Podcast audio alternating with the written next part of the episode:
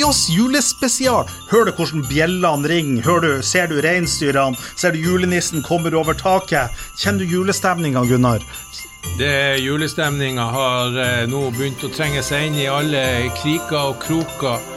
Eh, savner jo litt julepynt her i eh, studio. Og eh, litt, Jeg har jo kledd meg ut som julenissen, Gunnar. Du har jo eh, kledd, deg, kledd deg ut som, eh, som, som julenissen. Og jeg hater jo å si det, men altså, du ser jo ut som en eh, ganske ung og fresh eh, julenisse. Det, jeg fikk det der på tape. eller Ja. teip, eller altså, Jeg vet ikke helt om man kan si det lenger. Det er kanskje et litt sånn forelda uttrykk. Ja, det er litt uh, gamlis-aktig det der, så nå tok du og eh, liksom du, du, du, du, du svevde så opp, men så plutselig sprakk ballongen. Opp som ei løve, ned som en skinnfell. Sånn gikk det. Ja. Sånn er det. En lusbefengt skinnfell. Men, men. Ja, I dag har vi en gjest som heter John Winterdike. Winterdyke. Eh, og da er det, Han er professor i kriminologi, og da skal vi snakke om trafficking, og vi skal snakke om eh, den typen. Den, av, den, ja, den typen. Men eh, Gunnar får jo ikke med seg det, så det Dessverre. Nei, dessverre så uh, må jeg ut og, uh, og kjøpe julegave til han Per Frank som vi har glemt. Nemlig. nemlig. Så uh, Ja. Ja. Sånn, sånn er det. Men vi har to Vi har én dom i dag, og vi har, jeg har en fantastisk juledom. Og jeg gleder meg til å gå inn i den her, for det her, det her er en dom som er juss og joss verdig, altså. Um, men før det så har vi fått spørsmålet. Spørsmålet så, hva er, hva er det våre lyttere lurer på i dag, Gunnar? Ja, våre lyttere, de, eh, de lurer jo på faktisk om de kan lure. F.eks. det teoretiske problemet som er forelagt oss, er at eh, at eh, du kommer kjørende i adventa og bekymrer deg over at det her er dyrt, og så eh, Over at hva er dyrt? Ja, verden er dyr. Butikkene Verden, verden ja. er dyr. Eh, Ja. Jula Elgen er dyr. og- Elgen er dyr, og, og jula har jo blitt en, um, en, en mammons høytid også. Ja. Materialismens eh, og velferdsstatens eh, triumf over fattigdom og nød og eh, alt Ja, det der. ja, ja, ja.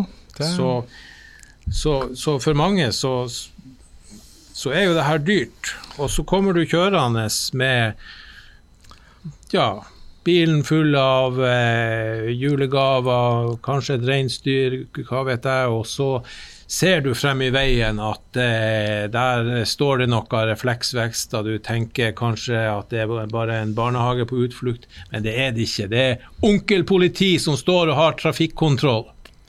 Du, du, du, du. Du, du, du, du, du.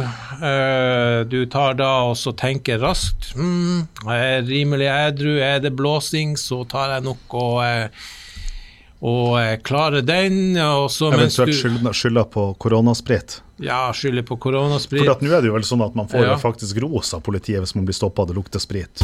Ja, absolutt. Det er, så lenge det er håndsprit, så lenge det ikke er munnsprit. da. Ja, ja.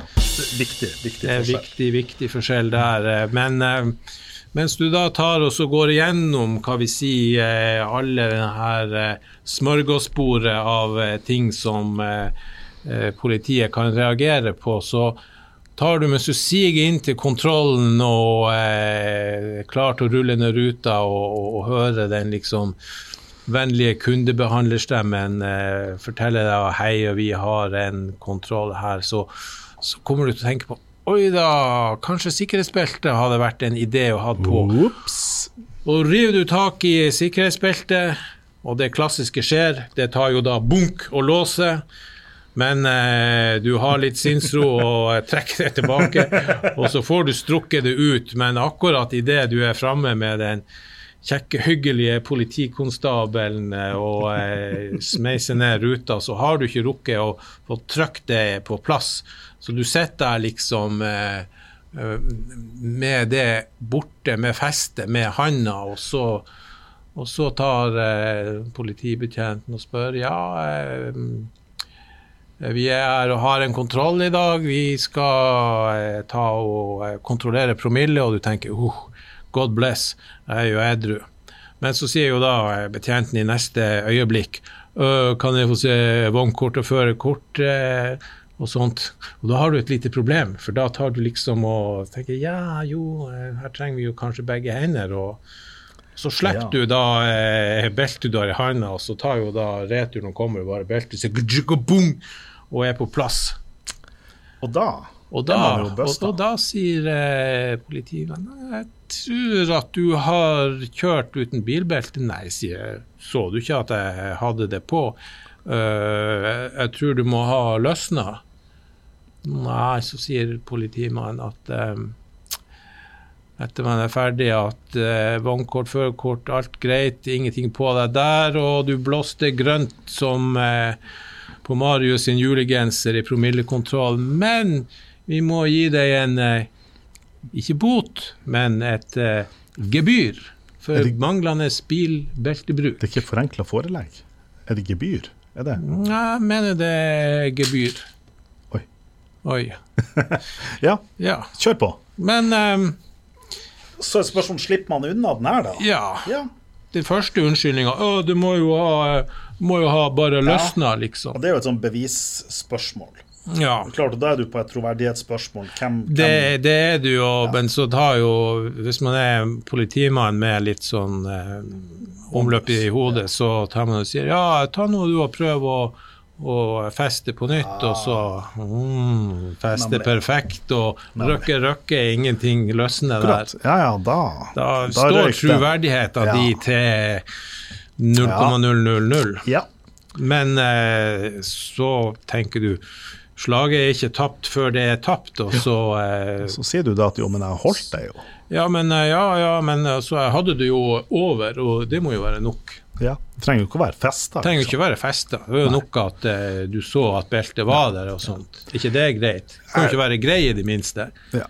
Jeg- Det er jo jul. Ja, nemlig. nemlig. Jeg, jeg, Ja. Altså, min, min, min, min magefølelse sier at det her det, Man skal se langt etter å slippe unna med den der. Jeg tenker at det, det her Marius, din juridiske vurderingsevne er så stor at jeg regner med at etter nyåret så har Høyesterett tatt og ekstrahert deg ut fra det her eh, gudsforlatte isødet og satt deg på din rette plass her Ja. i livet. Som dommerfullmektig i Høyesterett. Dommerfullmektig i Høyesterett.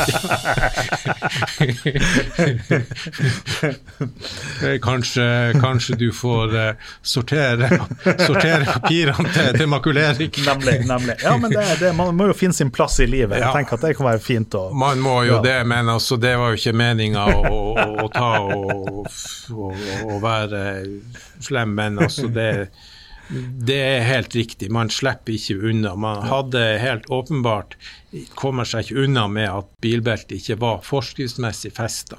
Ja. Og bruk av bilbelte, det har jo da eh, er jo tufta på at det skal ta og eh, bidra til trafikksikkerheten. Det skal ta og i ytterste konsekvens ta også eh, virke preventivt mot at folk skader seg kraftig og dermed blir altså en stor utgift for samfunnet, pluss all den smerte og ting du påfører dine nærmeste med å kjøre deg i hjel og kanskje dø pga. at du ikke brukte, brukte bilbelte. Og eh, bare for å, å ta oss og krydre Steika. den- steika her, siden det her var et ganske åpenbart spørsmål, så er det faktisk slik at eh, det har kommet en dom om bruk av bilbelte helt opp til Høyesterett. Og den kalles naturlig nok bare bilbeltedommen. Yay! Yay! Og eh, Marius, du som eh, og kanskje begynner i Høyesterett eh, på nyåret, du tar vel og vet hva denne dommen handler om? Eh, ja, var ikke det Skal vi se. Det var, jo, det var da um, Jo, det var han kisen som da hadde den bilbeltet strukket over, og det var festa ned i hullet, men Ja. han hadde armen over Ja. bilbeltet på den øverste sida, sånn at det var ikke, gikk ikke over skuldra, men det gikk under skuldra. Det gjorde det. det Beltet lå og koste seg i armhula. Nemlig. Så det skulle egentlig til armhuledommen. Egentlig skulle det det, og eh, det skulle egentlig vært straffbart å eh, påføre kanskje permanent svettlukt i bilbeltet. I hvert fall hvis det hadde vært min bil, han Frank. Ja, ja. Frank, han, eh, han, han, han kunne ikke ha tålt sånn hygienisk eh, vold mot seg sjøl.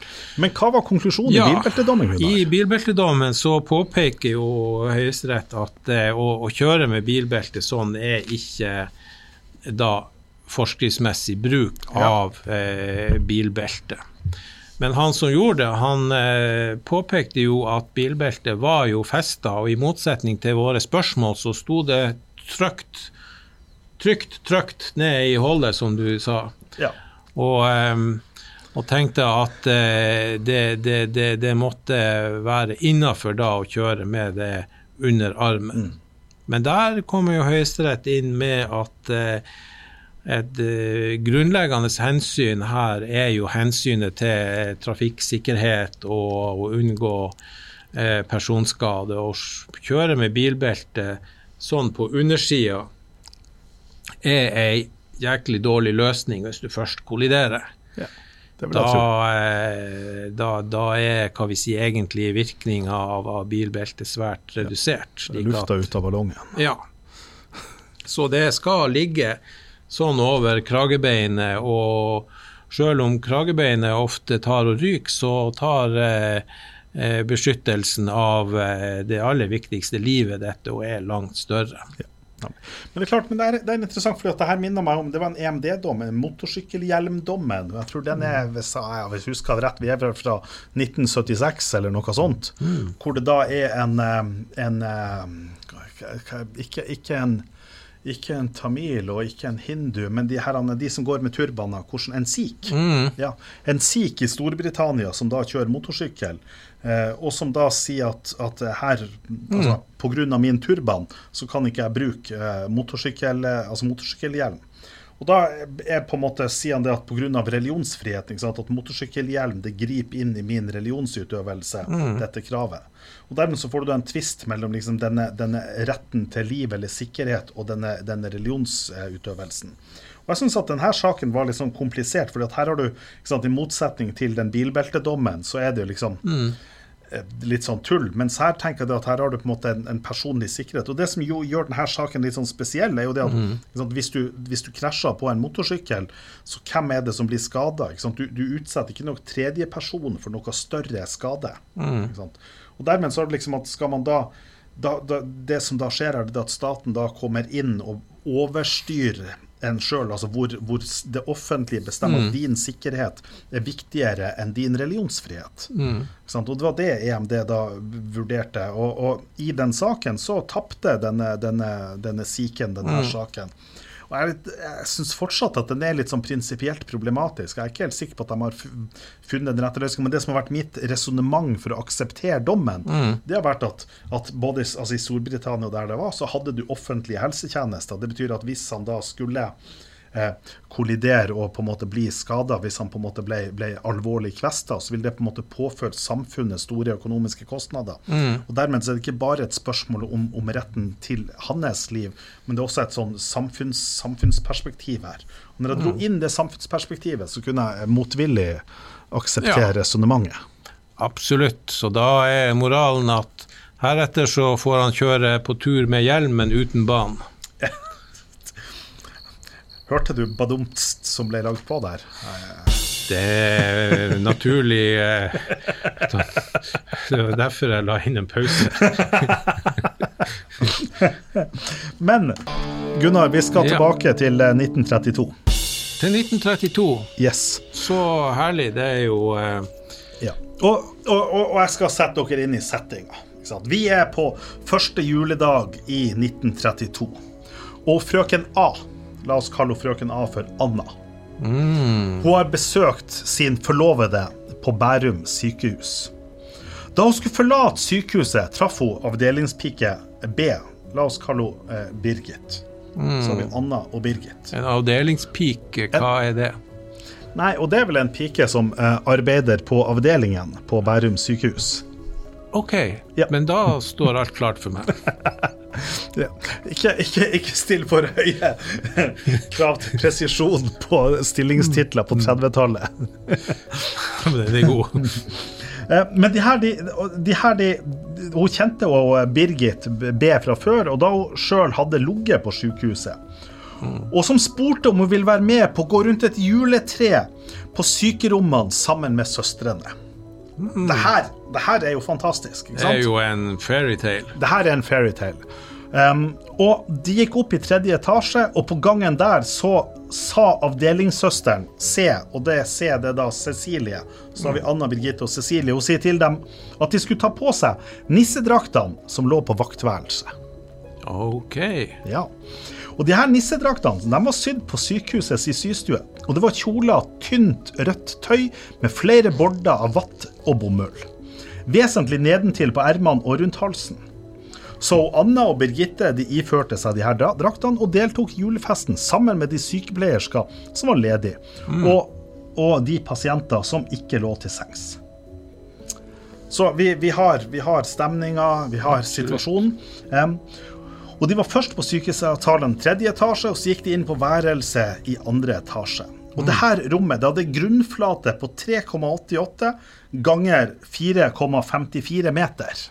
Det er godt å vite. Det er godt å vite. Men, men poenget er at dette er altså ikke et veldig stort rom. Altså Vi er da på underkant, altså nesten fire meter ganger fire og en halv meter. Så vi, vi Ja, ja, ja. Hvor mange kvadrat er det, Gunnar? Puff, det, det blir jo en sånn 15-16. Ja, noe sånt. Um, og der var det brakt inn to senger som sto ut fra veggen, og på den delen av gulvet som var ledig, så var det satt et bord, og på på det, det bordet så sto det et lite juletre. Og det li, lille Ja. juletreet, det var jo tent.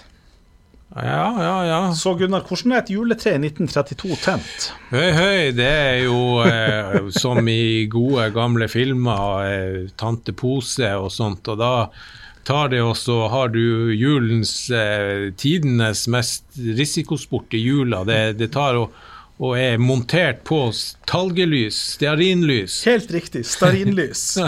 Så de er altså inne i dette rommet med 3,88 ganger 4,54. Inne på det rommet så står det to senger som står ut fra veggen. Og midt i det rommet så står det da et bord med, et, med et juletre med tente stearinlys. Oi, oi, oi, oi. Så var det plass til, til litt av hvert, ja. Ja. Em, det, det her, jeg må bare liksom Jeg husker fra min egen barndom. um, så husker jeg liksom at vi hadde, vi hadde et juletre med stearinlys. Mm. Det det her var litt uvanlig. Foreldrene mine de skulle holde fast på tradisjonen. For det var det de var vokst opp med. Det var jo kommet et julelys, og det var jo det som var det forsvarlige. Men det var liksom julaften, da skulle vi ha tenn på disse stearinlysene på juletreet. Og jeg husker det var litt sånn stress rundt det her. Det liksom alltid sto liksom to bøtter med vann rundt der. Og fordi at man, man skjønte jo at dette var liksom risikabelt. Og så er det ei jul hvor det her juletreet da eh, velta med lysene på. Oi, oi, oi. Og jeg var jo ikke mange år, men jeg husker, det jeg liksom husker mest fra, det er den, her, den panikken. Den plutselige panikken fra alle de voksne som bare opp og bare ordna ut det her. Og det var liksom, det var liksom den følelsen av frykt liksom, på julaften. Det her stresset, det er liksom det jeg husker igjen. Og så husker jeg at neste år så var det sånn elektriske julelys på, på juletreet. Det var den ene gangen. Det var det som, det var det som Ja, det skulle har brent, brent seg inn i det nå godt voksne Marius. Nemlig. nemlig. Men, men, det som, men det som da skjer, det er det at så, så begynner de da, inne på det her rommet, så begynner de da å gå rundt juletreet. Ok, er det plass til det etter din beskrivelse? um, em, skal vi se.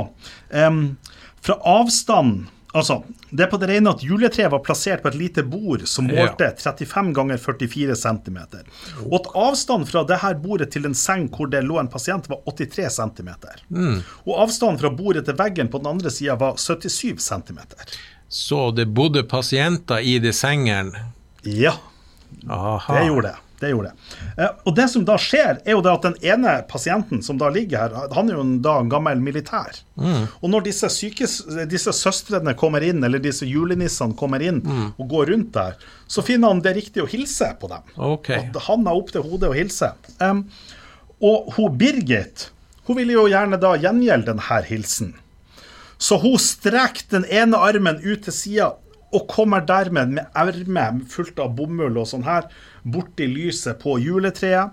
Eh, og det ble straks antett og på en sånn måte at det fall grista også på Anna sin drakt. Så plutselig så har vi da to, disse to eh, pikene som da står der i eh, lys lue. Ja, Um, Yes. Og den tok straks fyr, og i fyr, fyr og flamme, og hun Anna hun fikk da meget stygge brannsår på armen, hendene på den ene skulder, og i ansiktet, og særlig på halsen. Um, og så er det sånn at Når hun da strekker ut denne armen, så anser jo retten det som uaktsomt fra Birgit å gjøre det. Sånn, Her går de rundt juletreet, og du, du på en måte tar opp den hilsninga, strekker det ermet opp. Ikke sant? Det, det er liksom på en uaktsom handling. Um, men så er det jo spørsmålet Hun stakkars Anna, som da blir forbrent, hun får jo da et økonomisk tap. Mm. Um, før vi går inn på det økonomiske ta- hvis det er spørsmål, Hvilket økonomisk tap er hun får, Gunnar? Prøv å Mm. Altså, meget stygge brannsår på armene, hendene på den ene skulder, i ansiktet og særlig på halsen. Ja, eh, hun vil jo vel eh, være sykemeldt ei stund, og uh, det her er jo lenge før folketrygdens tid, så Ja. Så det var vel eh, ikke så vel utbygde sykelønnsordninger. Så eh, Og det er ikke det økonomiske tapet som blir påført her. Her er blir da på, det blir da vurdert et framtidig økonomisk tap. nemlig at hvilket- hun eh, at hun, hennes eh, eh, markedsverdi Spot on! Og la meg lese fra eh, professor Ingebrigtsen sin uttalelse. Um, Foruten det store arr som alle kan se, har skadede henne ennå visst- visstnok små, men helt utvilsomt og var, varige arraktige forandringer av lebene og av nesen. Hun har et litet arr på høyre kinn og på høyre skulder. Av disse arr er det kun det ene store, intet skjemmende arr under haken på forsiden av halsen som har funksjonsinnskrenkende virkninger, idet det arr hindrer hodets og halsens bevegelighet. Sånn at det er liksom beskrivelse av disse arrene, eh, men det er ikke noe stor funksjonshindrende. Um, hun også beskriver denne funksjonshindrende sant, med at hun, det er litt vanskeligere å flytte på hodet, og nakken kan ikke snurre på det like fort. Um, um, og så sier han videre Og dog som alle likevel vil forstå, allikevel er dette en nokså ring virkning sammenlignet med den skjemmende virkning for skadedes utseende som dette arr har hos frøken A. Selv om hun kunne bevege sitt hode helt fritt, har hun, når hun søker på post som ekspeditrise, ikke lett for å konkurrere på like fot med andre unge kvinner som ikke har arr under haken. Så argumentet er altså at hun får et Pga. hennes arr under haka, så vil hun, er hun så skjemmende at hun ikke vil få en jobb. Og dermed så vil hun ikke få en jobb, og dermed så har hun et framtidig økonomisk tap, tapt arbeidsinntekt. Nettopp. Nettopp. Det var jo et godt argument. Eh, Men jeg bare, jeg bare liksom tenker at Jeg bare tenker at Vil vi ha liksom akseptert det argumentet i dag, liksom? Jeg tenker at, fordi at, fordi jeg tenker at, at altså Når noen er ansatt i et serviceyrke, så tenker jeg at man må jo i prinsippet kunne akseptere Altså, altså, fordi at det vil jo, tenk, vil jo være diskriminerende Ja. overfor en funksjonsnedsettelse, og ikke ansette henne som en ekspeditrise, som det heter da. Ja, ja, det, det, det, det vil jo det, men altså Du sa jo det sjøl i første anslag, at vi er i 1932. Vi er i 1932. Vi har et eh, kjønnsrollemønster og syn på forholdet mellom kjønnene, og, og, og damer og jenter sine muligheter var mye mer begrensa da, slik at denne her godeste professoren sine uttalelser tror jeg nok traff samtida eh, veldig, veldig, veldig godt. Men det er en ting der som skurrer litt på meg, for Ja. eh, eh, hun var jo avdelingspike Ja. der, og kunne hun ikke etter å ha eh, blitt så noenlunde bra, sjøl da med disse arrene, fortsatt som avdelingspike, hvorfor måtte hun absolutt Jo. bli ekspeditrise? Jo, men her, Så og det- her var det fordi at, fordi at her, er det, her er det du som har blitt lurt av faktum. Fordi at, Mm. Husk på at hun Anna hun var på besøk hos sin forlovede som lå på Bærum sykehus. Og Ja. hun hadde sjøl ligget der sjøl. Ja. Og så traff hun Birgit, som var avdelingspike. Ja, riktig, Ja, riktig. Så det er Så, det er jo, Anna, ja. Nemlig. Nettopp. Så eh, hun, Anna, forlovelsesbesøkeren, eh, Ja. Hun var da av profesjon ekspeditrise. Yes. Yes. Mm. Men eh, da vil jeg jo gå ut ifra at hun allerede var i en jobb eh, ville det det mellom linjen til denne professoren eh, ligge at, Hun fikk fyken. at hun ville få fyken fra sin Ja, for det er jo For det er klart, det ligger jo i kortene her at hun nok har en ganske lang Ja. sykemelding eh, Ja, ja, ja. sånn mellom her. Og, så Mm. det ligger nok Altså hvis hun har hatt en jobb, så vil hun i hvert fall neppe kunne komme tilbake til det. Ja, det er jo det. Og kanskje òg professoren så ekspeditrise som en sånn karrierevei. Ja. At eh, du begynner liksom på landhandelen, og så jobber du deg oppover. Ja, men det er klart, jeg, jeg, liksom, jeg tenker at i, altså, i dag så vil vi jo på en måte snakke om ikke sant? Man snakker om menerstatning og oppreisningserstatning, altså noen sånne her ting som, som kanskje vil kunne på en måte komme inn her, men, men ikke, egentlig ikke oppreisningserstatning, fordi at arbeidsgrunnlag, eh, erstatningsgrunnlaget som drøftes her, det er jo da arbeidsgiveransvaret, eller husbåndansvaret, og, og vel og hvis jeg nå husker, husker eh, altså i den, den norske erstatningsretten, så det er klart at det skal mye til. Og, altså hvis oppreisningserstatning, så krever det jo en grov uaktsomhet. Og det, er klart, å, og, og det skal mye til å få det plassert på en grov uaktsomhet på arbeidsgiveransvaret. Jeg lurer på om ikke det er avskåret, men nå ble jeg litt her i tvil her. Ja, det, du, du, sier noe, du sier noe der. Det, mm, her burde jeg åpenbart ha slått opp i skadeserstatningslovens paragraf 5-1 før vi gikk inn i studio og bare sjekka etter det. Men, men uansett, uansett så er terskelen for oppreisningserstatning etter det norske arbeidsgiveransvaret i skadeserstatningsloven, der er jo terskelen uaktsomhet. Mens for oppreisning så er det terskelen grov uaktsomhet. Og det er klart, og, og her er det spørsmålet det er grov uaktsomhet her, og jeg tenker at her er det, vil man neppe kunne si at det er en grov uaktsomhet etter i dag. Så jeg tenker at i dag så vil du heller ikke gitt en grov altså oppreisningserstatning i dette tilfellet. Det er min, eh, Uavhengig av om det er mulig. Så dermed så slipper jeg å ta stilling til det spørsmålet. Er du, aksepterer du Ja, jeg tar og aksepterer resonnementet og sånt. eh, eh, Jeg tar jo òg og tenker at eh, disse erstatningsreglene har jo neppe forandra seg så mye. Det her var jo eh, 19, 1932. Ja, men klart, altså, Det tar jo noen år før den kommer opp til Høyesterett. Den er jo 1936 når den kommer, kommer opp. Det, det er jo noen måneder før, eh, noen måneder før OL i Berlin. Eh, så. Men så skal vi gå inn på jussen her, for det er jo litt sånn interessant. fordi at Det som da blir anført som, som ans altså Det er jo da Bærum sykehus som da blir saksøkt her. Um, for det er klart at Hvem er det som på en måte er ansvarlig i det her? Fordi at hun, Anna sjøl er jo på en måte kommet inn fra utsida. Hun har blitt spurt om hun vil være med å gå rundt juletreet. Hun sier ja, jeg vil være med å gå rundt juletreet. Hun får beskjed ta på deg denne meget brannfarlige drakten. Mm. og blir sendt inn i dette kjempelille pasientrommet der det er knapt nok plass til å gå rundt et juletre med tennende, brennende lys. Og så kommer det og Birgit og eh, en fyr hilser på den her eh, personen som ligger i senga, og det er hun som tar fyr, og den bilen sprer seg til Anna. Det er klart, og det er vel rimelig å tro at hun Birgit også ble skada i det her, men vi vet ikke noe om hennes skade og ikke en del ut av saken. Og Dermed så er spørsmålet hvor er det, hvor er det Anna skal rette sitt økonomiske tap. Det er klart, Anna kan jo rette sitt økonomiske tap til hun Birgit fordi at hun har opptrådt uaktsomt. Eh, men hun Birgit hun vil jo neppe være god for dette erstatningskravet på 5000 kroner. Eller hva det ja, 5000 kroner. Eh, og dermed så er spørsmålet ikke sant, er det sånn at Bærum sykehus kan være erstatningsansvarlig. Og den, Ja, ja. og den, og den regelen jo- som jo brukes her, det er jo denne regelen om husbondansvaret, som da var eh, forankra i norske lov 321-2.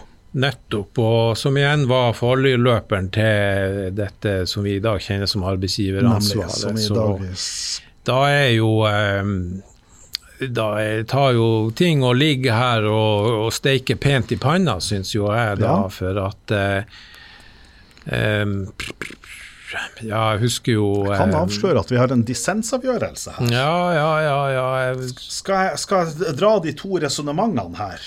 Ja, eh, dra gjerne det resonnementet som konkluderer med at hun eh, vår eh, venninne ekspeditrisa eh, ikke eh, opptrådt eh, på noen måte i tjeneste for eh, sykehuset.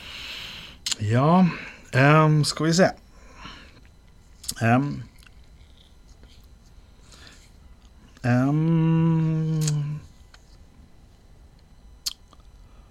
oh, hvor, hvor, hvor, hvor Der um, Skal vi se. Det er, det er dommer Ness, og så er det han dommer Motsfelt.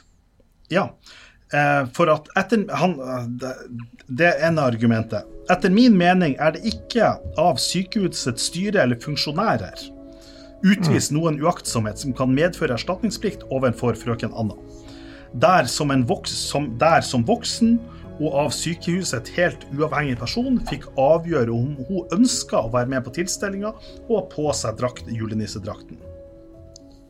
Så, så det han, han Motsfelt sin argument er da at hun er voksen, hun var frivillig der, hun var der av sitt eget ønske. Og hvis du på en måte skal plassere et, et arbeidsgiveransvar her, så kan du ikke plassere, så må arbeidsgiveransvaret plasseres hos ledelsen i sykehuset. Så det betyr at ledelsen i sykehuset, eh, altså styret, funksjonærer, der det er dem som er ansvarlig. Mens her er jo det som har skjedd, er jo det at hun, Anna har vært på vei ut av sykehuset, og så har denne tjenestepike, Birgit, kommet og spurt hei, skal du være med å gå rundt juletreet. Og dette visste ikke ledelsen eller funksjonærene om, dermed kan du ikke plassere, har ikke dem gjort noe uaktsomt. Dette er argumentet fra den ene sida. Skal vi ta andre sida? Ja, la oss eh, kjøre på med den andre. Ja.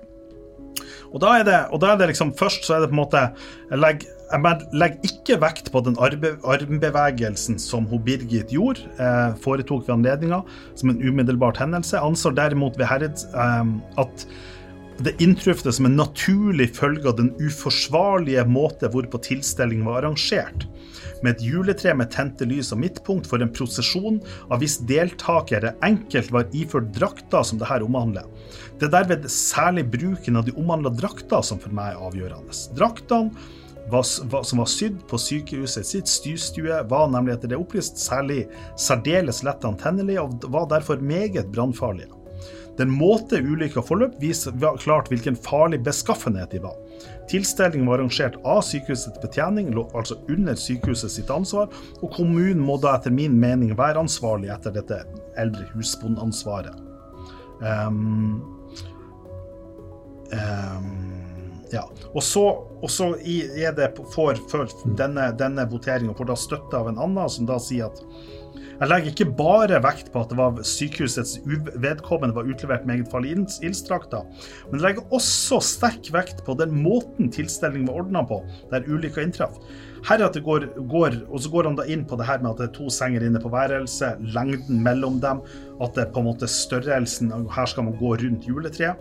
Og jeg mener slik som at denne måte var ordna på, det lå den overmåte mulighet nær for at det kunne forvel, forvoldes en ulykke ved en antennelse av det juletreet som gikk i en kjede rundt det. Ja. Så eh, hvem du tror vant? Ehm, Fikk hun erstatning, eller fikk hun ikke erstatning? Vi er i 1936. vi er i 1936. eh, jeg vil vel eh, Jeg vil vel Magefølelsen sier vel at eh, flertallet gikk for at det her kunne ikke husbonden ha visst noe om eller forutsett, og at det altså var en type altså irregulær hendelse, Ja. og frikjente sykehuset. Og heldigvis så tok du feil, altså. Mm, så godt å høre. Ja. Så godt å høre. Det er jo jul. Det er jo jul. Det er jo jul. Det ender opp med at hun får, hun får erstatning. Det, det, de, de, de, de, ser, de ser mennesket. Men det er klart, men det her er også interessant sant, i forhold til utvikling av arbeidsgiveransvaret. For det er klart, det- Dette argumentet, hva er det arbeidsgiver kan være ansvarlig for? Det er klart at Sånn som dette var husbondansvaret, som var nedfølt i norske lov 321-2, så er det sånn at den regelen, ut fra hva jeg kan forstå, så stammer, kommer den inn fra 1687. Det er klart, og, eh, Historikken bak det er jo at en bonde er på en måte ansvarlig for eh, gården sin og ansvarlig for de arbeidstakerne som er der. og sånn. Men det er klart at der to eh, arbeidstakere langt under, uten hans kunnskap, kløner det til og tenner på hverandre, kan han være ansvarlig for det? Og det kunne han jo neppe i 1687. Sant? Men her er du på en måte fått en utvikling. sånn at Du har disse farlige bedriftsdommene, du har utvikling av det objektive, ulovfesta ansvaret som på en måte kommer inn her. Og, og, jeg antar at dette er en av de dommene hvor man på en måte gjør det til altså Hvor man på en måte disse, Ja. disse kulpøse feilene uten at noen enkeltperson kan laste. Ja, ja. Eh, rent umiddelbart så eh, tenker jeg at, eh, at, at, at det her skyldsporet jeg har vært inne på, det, det sliter jeg med å se kan føre fram, eh, mens det derimot etter mer eh, eh, typ objektivt ansvar, eh, så er det her resultatet mer eh, vi si, begrunnbart. Nemlig. Nemlig. Nemlig. Fordi at, og det er jo det som er, fordi at I det gamle husbondeansvaret så er det jo på en måte i prinsippet et, et, skyld, et skyldansvar. Ja. Ikke sant? Men så er det klart at sånn som, sånn som skadeserstatningsloven, altså arbeidsgiveransvaret, utforma i dag, så er det jo et så er det jo en mellomting mellom et objektivt ansvar og et, og et skyldansvar. Det, kreves, altså det er et objektivt ansvar, men det kreves en konstatering av skyld. Mm. Og denne regelen man kommer fram til her, den er jo i tråd med den skadeserstatningsloven vi har i dag, hvor man vil nokså opplagt vil jeg si at man vil komme til samme løsninger i dag. Men det var på en måte ikke opplagt her i, på, på 30-tallet. Det var jo ikke det. det var jo ikke det. Så når du strekker det så, så langt, så, så jeg smaker nesten mer ut som en ganske sånn far out-analogi av eh, ansvaret for farlig bedrift. Ja. ja. Det er Ja, nemlig. For det er klart, for, fordi vi er jo, og jeg, og jeg tenker jo at, at den rimelige sånn, fordi at hun A er jo på en måte uf, uforskyldt havna opp i det her, sånn som jeg tenkte. Jeg tenkte jeg, Hadde jeg besøkt min Ja. forlovede, og noen hadde kommet skal du være med å gå rundt juletreet og ta på deg nissedrakt, jeg hadde jo tvert vært med, liksom. Ja, du hadde det, og nå du sittet i dag med Men du har jo så mye hår i ansiktet, så du kunne jo ha hadde dekka alle de arrene med, med, med, med, med skjegg, f.eks. Det er jo under haka som hun hadde. Det er jo ikke vært synlig på det nå har sett med litt sånn ayatollah-skjegg. Ja, ja, ja. ja jeg ser, jeg ser Jeg mener altså, ayatollah-skjegg Nå nå har jeg jo akkurat vært hos frisøren og ordna meg ny frisyre og blitt Ja. kvitt Taliban-looken. Ja, jo, du har jo, du har jo det og sånt. Det er urimelig av meg i et ikke-visuelt medium å dra den. Jeg ser det. jeg ser det. Nå som det er jul og alt. Nemlig. Men folkens, da har vi vært gjennom spørsmålet, vi har vært gjennom dommen. Ehm, da skal vi ta inn gjesten. Hooray! Gjest, gjest! And then we have to change over to English because our guest, John Winterdyke, doesn't speak any Norwegian. So I'm sorry to all our listeners that they have to listen to my uh, crappy English. But but you've heard it before, and, and that's life. So who who is our guest? Well, uh, you don't need to apologize because I'm a guest in the country and I know nor no Norwegian. Um, so uh, we have a we have a we have a common issue, a common problem. Uh, my name is John Witterdijk, and I'm a criminologist at Mount Royal University in Calgary, Alberta, Canada. And uh, one of the colleagues in the depart in the law faculty, Yeah. Nandor Knust, Yes. um, I met him years ago at the Max Planck Institute. I used to be a regular visitor there. And we've kept in touch like I'd like to do with uh, good colleagues. Um, and then the opportunity came along because I'm now a visiting professor at the University of Warsaw in the uh, Oh. International Studies Program and the Human Trafficking Center. And so I thought, well, uh, despite COVID, um, is there any opportunity to travel and meet some colleagues Yeah. and p- potentially old friends? And so that we uh, had a couple of exchanges. And he said, well, why don't you come to uh, my university? Oh, that's excellent. That's excellent. Nandor is is an is a fantastic colleague. I'm so glad to have him here, and and he's he's expanding my view of everything because I speak something and I believe that I have the grasp of something, and then he comes with something from the outside. I'm like, I didn't think about that, I, and I love to have him here. So Yeah, oh, and- wonderful. Yeah, but but you're a criminologist from the start. What what is a criminologist? Yeah, it's, it's interesting because uh, Nander was kind enough when he introduced me is to make it clear to the people who, were, who attended my presentation that I have no legal training, but that I am a criminologist, so that I bring a different lens to looking at the issues of whether it's crime, whether it's control, whether it's security, whether it's transnational, international law. Um, and he thought it might be interesting for me to talk about a criminological issue, human trafficking, um, and lend a criminological lens to that. So that's what I was talking. Uh, that's what I talked about. Criminology, in essence, is trying to understand how and why crimes happen.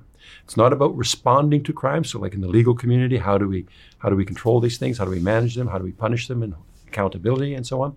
But it's about trying to understand why people do what they do, or why some people don't do what we think they should be doing. Yeah, yeah, that's that's interesting. And then you're working on on, on human trafficking within the criminology.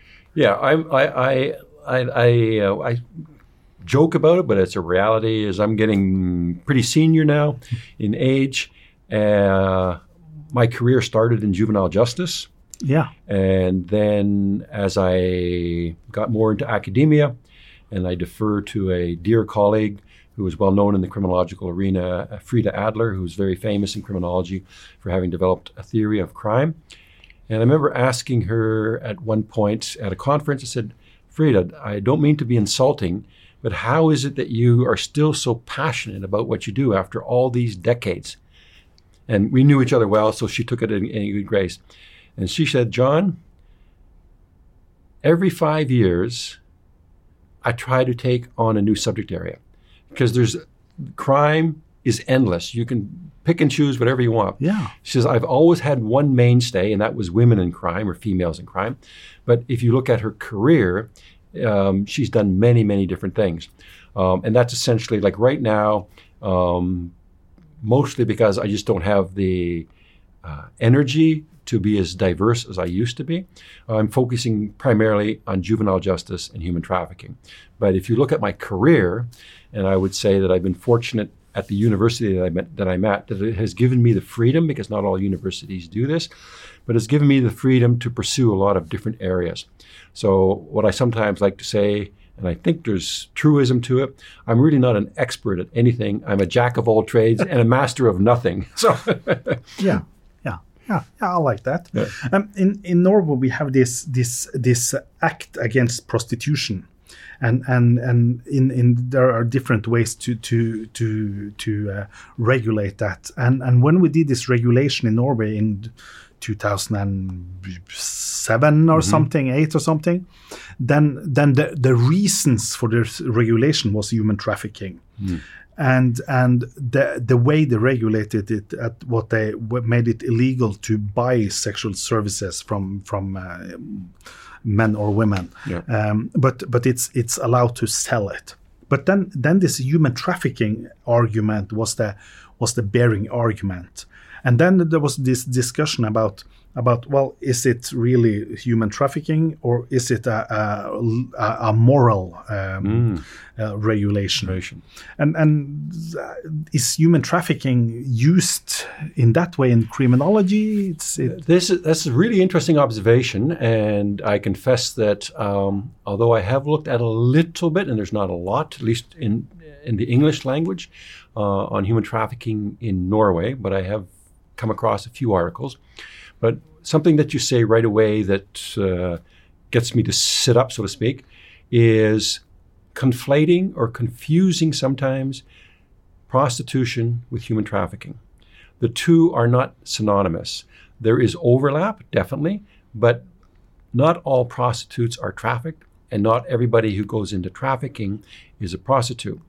Now, from my perspective, and this is one of the things that I talked a little bit about today, is from my perspective, is that, at least on the evidence that we have to date, is that the primary area of human trafficking is the sexual exploitation of women and children. There are men hmm. involved mm. and boys involved, but it is primarily yeah. men and women.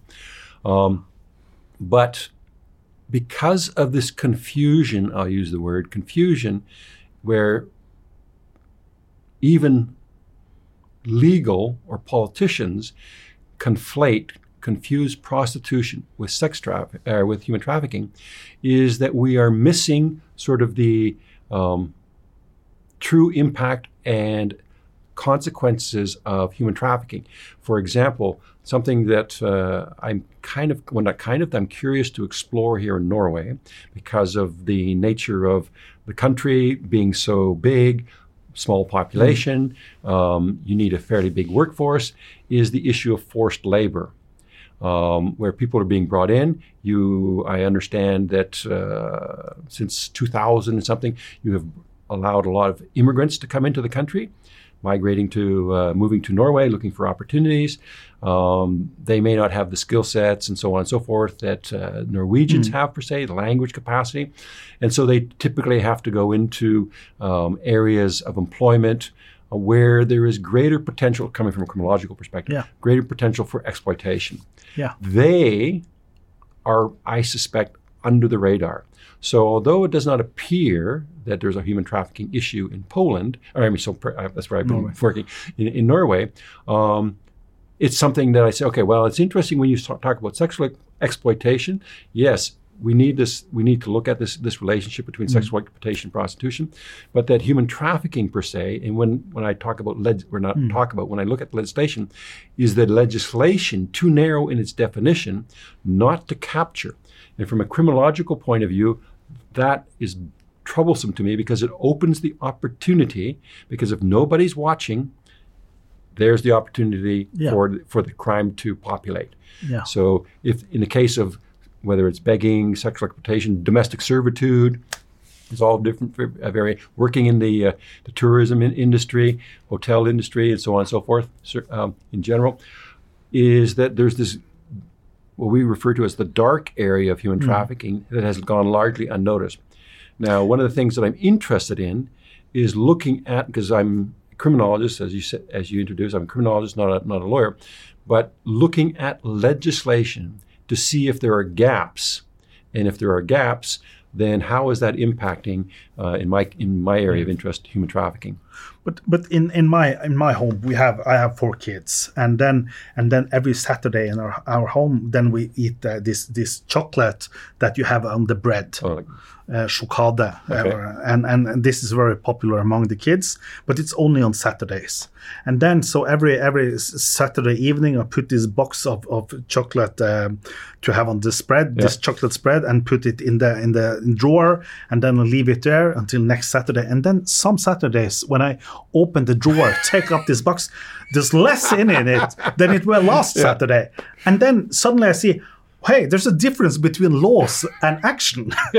No it's not it's not it's not always that that laws are followed. Yeah. There's this discre- discrepancy. Yeah.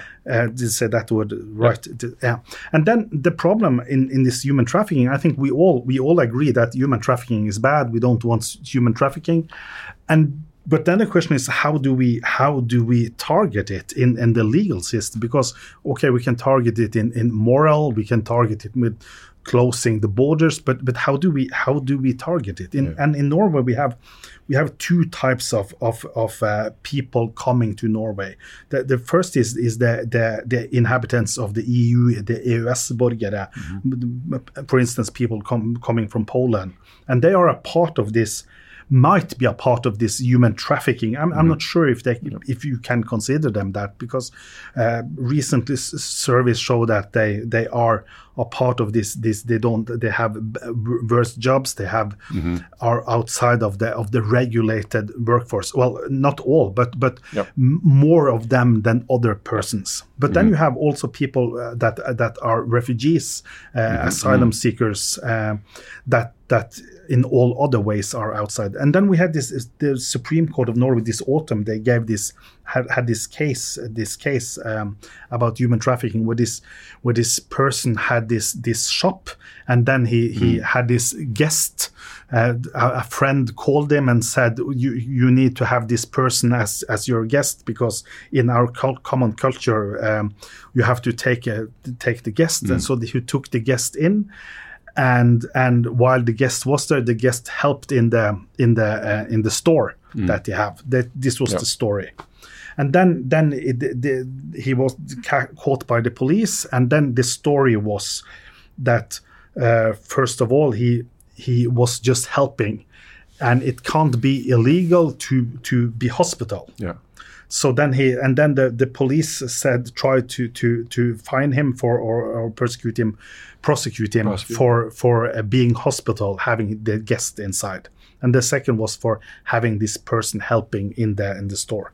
And then the Supreme Court said that well, uh, you can't you can't mix this, even though the guest has been helping in the store. It's not a crime to be to be uh, um, hospital hospitality is not a crime Yeah. And and and then he so he got a small fine for letting the guest uh, help in the store. But the underlying problem here is human trafficking. Sure.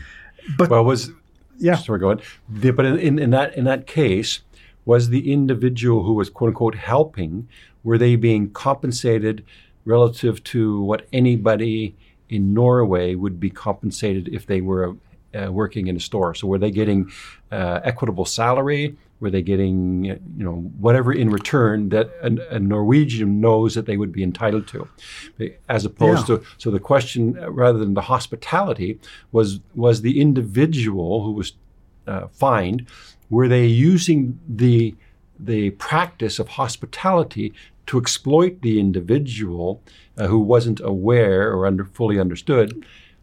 Yeah, Yeah. yeah, and and that's that's that's the legal question. Question. But and and the the answer in this case was that there was no legal, there was no monetary transaction. They were just helping, and and he was just being hospital, and so they the police obviously couldn't prove.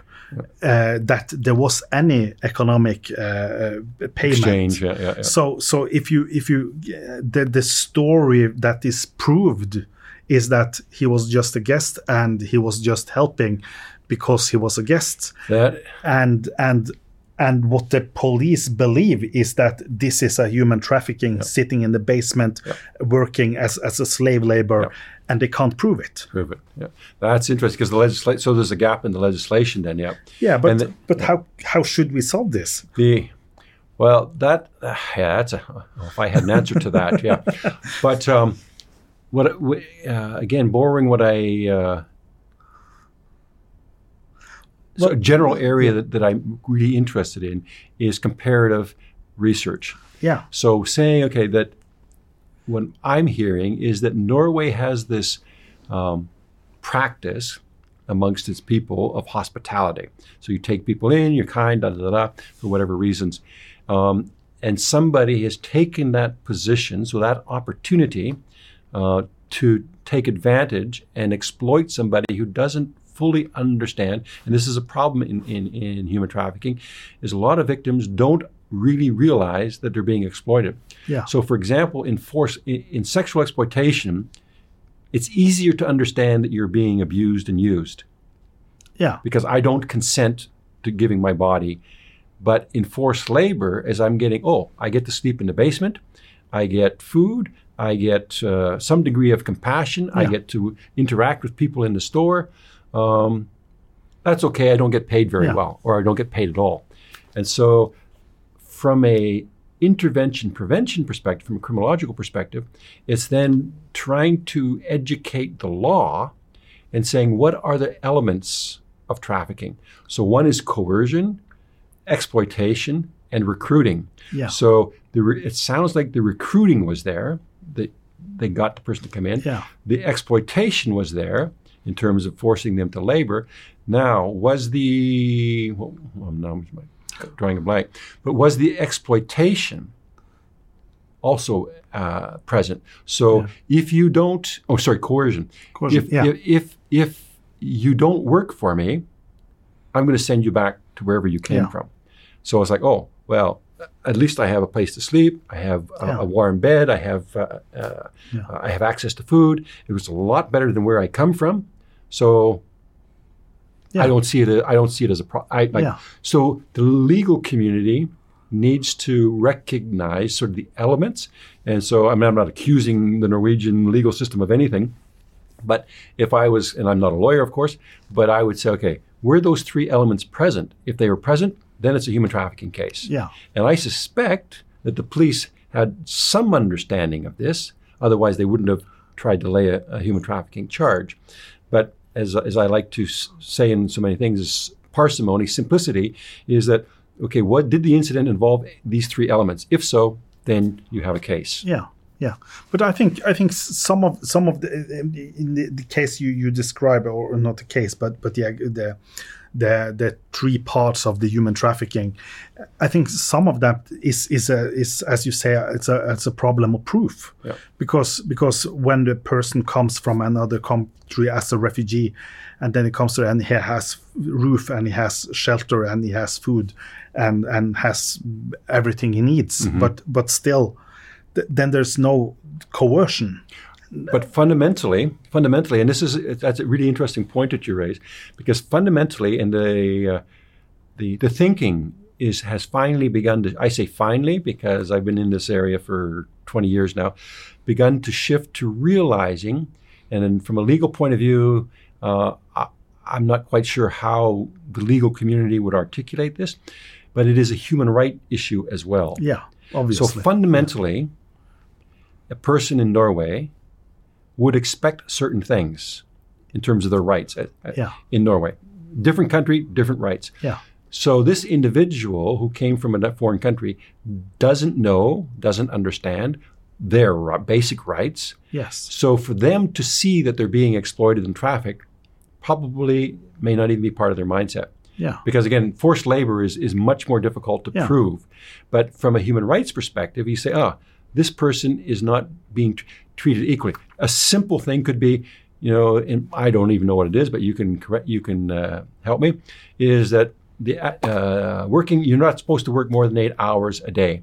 And if this person is working 12 hours a day or more then that's exploitation because the law says you can't do that. So can we prove that this individual just ask ask him or her, um, you know, how many hours a day were you expected to work? Do you get any days off? Yeah. Oh, you didn't get any days off. Well, you're entitled to, yeah. you know, yeah yeah but but yeah that's interesting. And and in in this in this case from the from the supreme court then then it's it's i don't have the answers of this because it's it's clear cut what they have proved in this case. And and but there's you see there's something behind it. There's there's a bigger picture and and it's wondering why what what is the rest of the picture here yeah, uh, yeah, but but in in the other cases uh, in Nor- Norway we have this Arbeidstilsynet, which is the the work um, the public work. Uh, um, well, their job their their is to look over the work Oh, okay. sector, Oh, yeah, yeah, so yeah. to to to visit uh, uh, businesses and yeah. and And and, sure- and ask these questions. And I, and Mm. I believe that their job is that they do ask these questions They and they and things, they yep, yep. yeah they monitor these things. But but at the same time, it's like okay, where do we go today? And they okay. It's it's hard to it's hard to pick everything, Yeah. and and they also make sure that that uh, the rules of, of safety in the in the workplace and Yeah. all these kinds of stuff. Well, if, if it's care of. anything like in Canada, I mean, you know, work, work safe. I can't remember what the actual title is, but work safety officers. yeah, Um, something like that. And so, for example, in my city, in, in, in Calgary, we have individuals similarly, and they go around to restaurants to make sure the restaurants are clean and abiding by the law.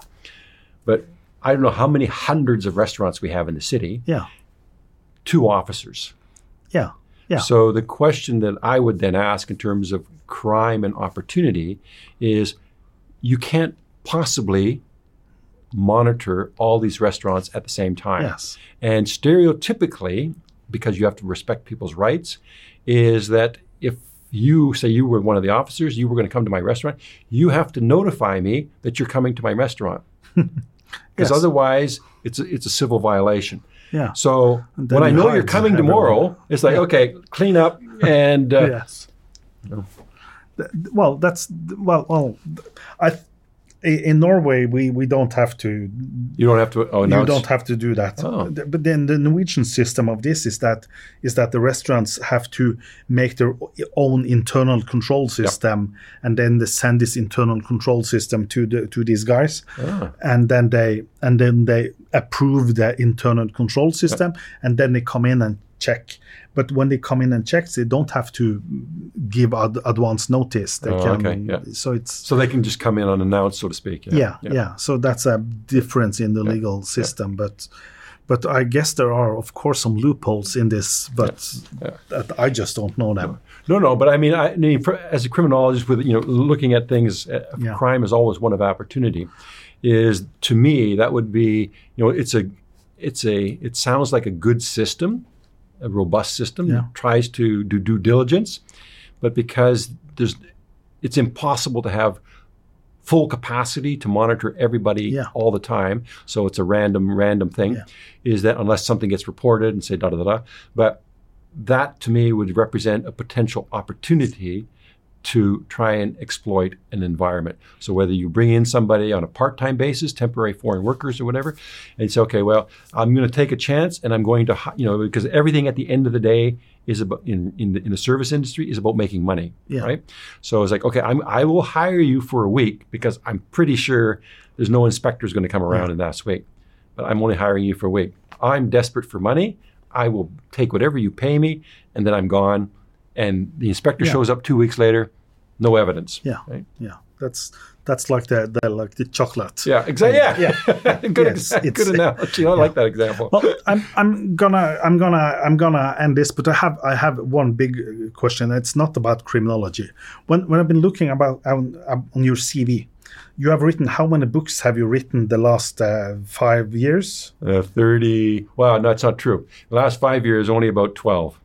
Yeah, so you've written twelve books in five years, Yeah. and how many chapters and articles? Oh uh, my goodness, it's. Uh, I, I joke with my students, or my students uh, will say, uh, "You just Google my name, and uh, unfortunately, uh, you get pages and pages and pages." I, I, and I and I and I say this in a lighthearted way, out of respect to all my counterparts and colleagues, is that I'm at the stage of my career. I don't count. I don't pay attention to this. I am passionate about what I do. So when I write books, write articles, it's I, it's not. I don't. I'm a full professor. I don't need it, need it anymore. I'm just. I, I just enjoy doing it. So, but but my question as a, as a new new associate professor Oh, Yeah. sitting at my office every day trying to produce these texts and and trying to to be Yeah. d- diligent and and work. What? How can I be as uh, half as productive as you? What What are your advi- advices for a, for a for a young uh, young uh, Yeah, per se? aspire, aspiring young Aspiring. Uh, uh, young academic. That's The, I, I think that's a you know that's a nice question. Um, two two basic things. yes, One is you have to be passionate. Believe it's not about. I mean, so many universities, and I, you, you, I, I, I suspect you may have a similar analogy uh, here in Norway, but in North America we say publish or perish. If you don't publish, you're gone, right? If you Yeah. don't produce, produce, produce. So that's an unexpect, uh, unusual, un, uh, unrealistic expectation. yeah, Um, and it's one of the reasons why we now have seen a proliferation of journals and publishers and all this kind of stuff to try and accommodate this. Um, but one, if you're passionate about it, then and and you know I'm far from perfect, and I don't recommend people follow in my footsteps. Is if you have the passion, it seems to come a bit more natural. As a junior person, and this is something that I didn't do, but I now do in my later years of my career, is to collaborate.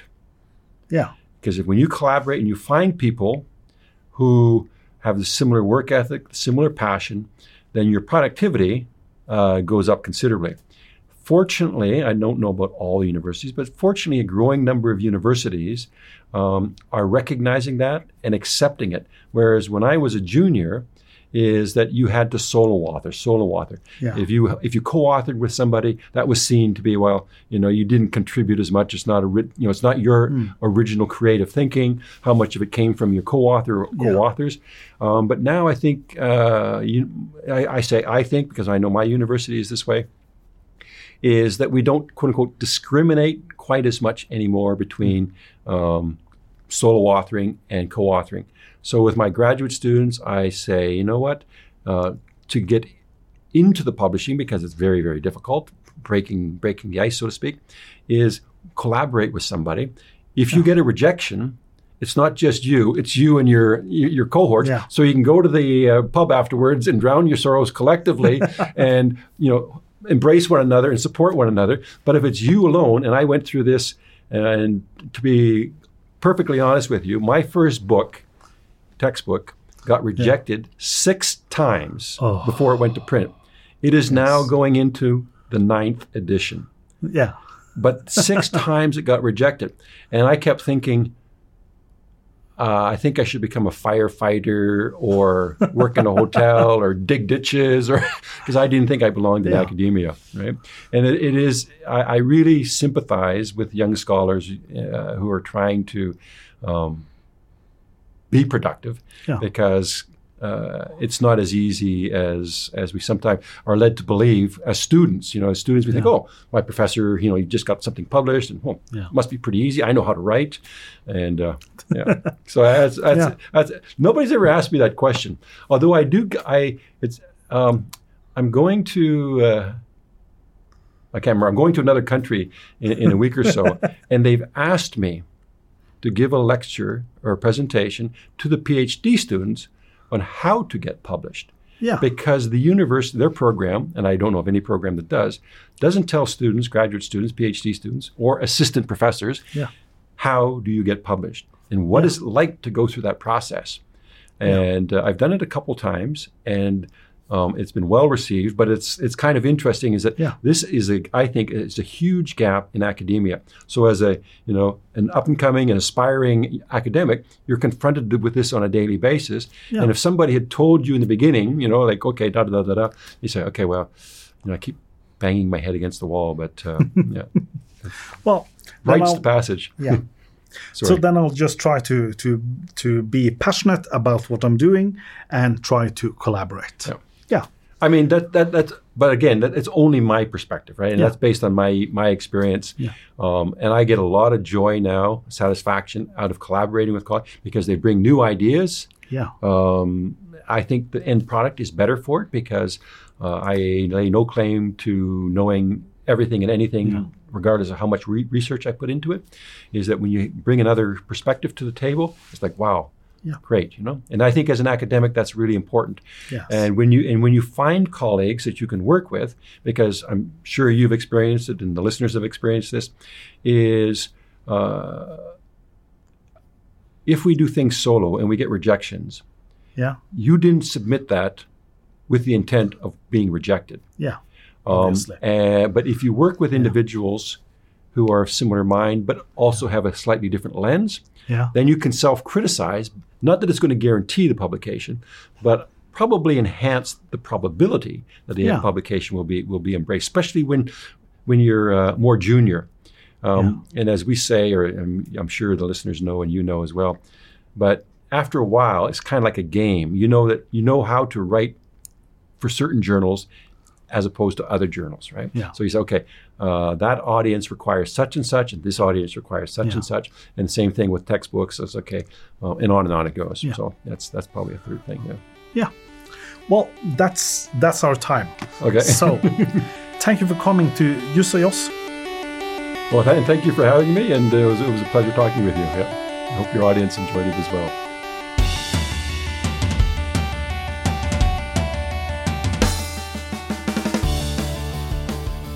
Podkasten Just og Joss produseres i samarbeid med Result på Universitetet i Tromsø.